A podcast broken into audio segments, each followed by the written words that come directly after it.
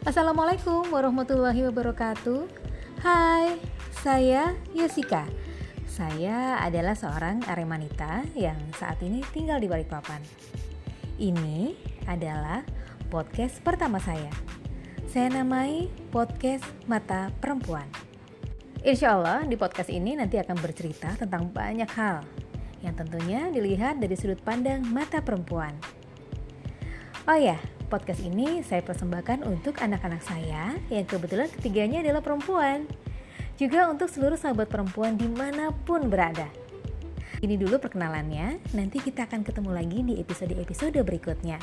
Wassalamualaikum warahmatullahi wabarakatuh.